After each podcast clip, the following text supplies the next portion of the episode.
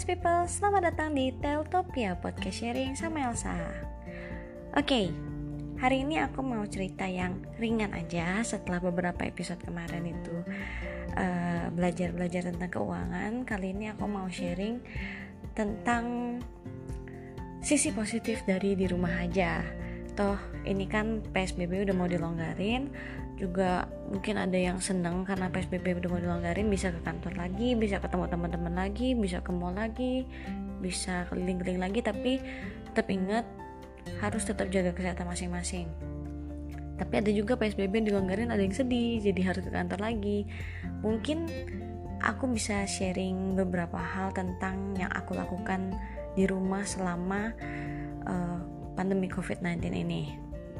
Yuk kita simak jadi, aku ini tipenya itu suka banyak alasan kalau mau ngelakuin suatu hal. Misalnya, mau ngerapihin rumah nanti aja kalau ada waktu. Mau uh, lemari baju tuh isi bajunya kan banyak. Mungkin kan harusnya udah mulai diberesin mana yang udah lama gak dipakai bisa disumbangin. Dan aku selalu mikirnya nanti aja tunggu ada waktu. Um, mau olahraga nanti aja kalau ada waktu. Toh aku tiap hari tuh kalau hari kerja ya berangkat kerja sebelum jam 6 pulang kerja udah jam 8 atau jam 9 malam tergantung lemburan hari itu dan kemacetan hari itu. So aku nggak ada waktu buat olahraga. Ya jadi itulah salah satu yang aku lakukan dalam masa kondisi di rumah aja ini. Aku bisa olahraga kalau bangun pagian bisa coba lari dua atau tiga putaran aja di komplek sama kalau lagi males keluar aku bisa buka matras di lantai aja gitu. Terus sambil puter YouTube yang kita bisa tiruin gaya-gaya olahraganya. Lumayan kok itu enak banget dan aku bersyukur banget aku masih bisa menikmati uh, di rumah aja yang menyenangkan ini. Itu yang pertama. Dan yang kedua aku nyoba untuk bercocok tanam. Ini terinspirasi dari salah satu story teman aku. Dia punya garden di atas rumahnya. Jadi rumahnya itu bertingkat. Yang paling atas itu dia bikin dak gitu nggak ada atapnya. Dia bikin banyak tanaman. Waktu itu dia tanam paprika. Dan panen banyak banget. Itu sih seneng banget kalau tanam-tanam kayak gitu terus berhasil. Akhirnya aku nyobain tuh ngetes. Uh, pertama-tama aku cari-cari dulu di YouTube browsing-browsing. Aku cari tanaman apa yang paling gampang untuk ditanam. Jadinya aku beli beberapa bibit yang ada di Shopee atau Tokopedia. Aku beli cabe paprika sama bunga. Bunga matahari sih. Bunga matahari aku pernah tanam dan bisa bisa tumbuh sampai berbunga gitu nah terus berikutnya bibitnya udah ada. Aku ke depan jalan. Di depan jalan itu ada tukang tanaman abang-abang bunga itu. Aku beli tanah. Aku kan nggak ngerti ya mau beli tanah apa. Kalau misalnya nggak ngerti tapi mau coba jangan malu untuk bertanya. So aku tanya sama abangnya bang saya pertama kali mau coba tanam tanaman. Pakai tanah apa sih yang bagus? Bibitnya sih udah ada. Gitu aja. Terus dikasih lah tanah. Tanah yang katanya udah ada pupuknya. Tanah trubus katanya. Terus akhirnya aku coba tanam. Ini udah jalan hmm, dua bulan kali ya dua bulan lebih. Tumbuh daunnya. Belum ada belum ada untuk hasilnya. Nanti kalau misalnya udah ada hasilnya aku akan coba ceritain lagi. Itu yang kedua ya. Aku jadi tadi udah olahraga udah ngurusin tanaman. Terus yang tadi aku banyak alasan untuk beresin rumah aku ada beres-beres sedikit. Sama lemari baju yang isi bajunya udah nggak karuan. Kayak yang ini udah lama nggak kepake memang udah nggak mau pakai lagi. Terus ada juga yang udah kekecilan ada yang udah rada belel. Itu semua dikeluar-keluarin dan menghasilkan lumayan ada dua kantong gede. Punya aku sendiri belum termasuk sama punya bojoku. Jadi memang harus dilakukan secara rutin ya ternyata cuma kan kalau misalnya masih dalam masa kerja tuh selalu alasannya tunggu ada waktu. Akhirnya dikasih waktu nih sama Tuhan untuk beres-beres ya beres-beres lah. Hmm, ngomong-ngomong soal ya dikasih waktu aku kemarin ada ikut salah satu webinar. Webinarnya tuh bilang gini ya dikasih kesempatan untuk di rumah aja. Lakuin apa yang selama ini lo bilang gak bisa lakuin karena gak punya waktu. Sekarang punya waktu. Nah itulah yang aku lakukan. Bercocok tanam selama ini gak bisa ber gak bisa dicobain karena gak ada waktu sekarang nyobain. Olahraga juga beres-beres juga. Terus sisi positif lainnya adalah aku bisa cukup tidur. Nggak nggak pada dasarnya aku memang doyan tidur tapi aku biasa tidur 7 6 7 jam. Terus semenjak harus stay di rumah aja aku bisa tidur lebih banyak 8 sampai 9 jam. Tapi itu nggak bukan bukan molor sampai siang gitu nggak ya. Maksudnya aku tidur tetap di, di jam 9 atau jam 10 terus aku bisa bangun lebih agak siang tanpa alarm. Maksudnya aku tetap bangun gitu loh nggak kayak orang yang bisa molor sampai siang lagi gitu nggak. Aku tidur termasuk normal sih. Cuma jadi pas bangun kayak nggak ngerasa terburu-buru atau terbeban aja. Bangun ya bangun santai. Aku enjoy enjoy banget sih sama yang itu. Terus um, selain tidur cukup aku juga jadi sempet untuk menghibur diri.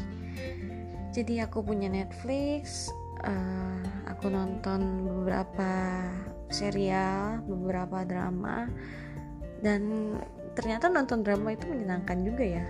Maklum lah selama ini dibilang nggak hobi nonton memang aku nonton paling kalau ke bioskop aja TV di rumah juga nggak pernah nyala. So dengan adanya di rumah aja ini akhirnya Netflixku kepake. Aku bisa nonton ya nonton drama Korea yang lagi booming booming yang lihat dari story Instagram boomingnya apa aku cobain nonton. Cukup menghibur.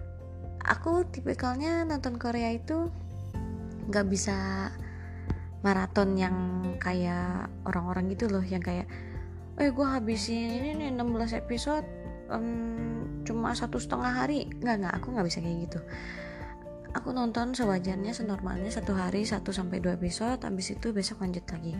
Satu hari satu sampai dua episode lagi begitu seterusnya. Jadi aku nggak mengabaikan tugas-tugas yang harus aku lakukan kayak bersih-bersih. Atau kan ada orang nonton drama Korea tuh sampai aduh sampai nggak mandi sampai nggak makan nonton.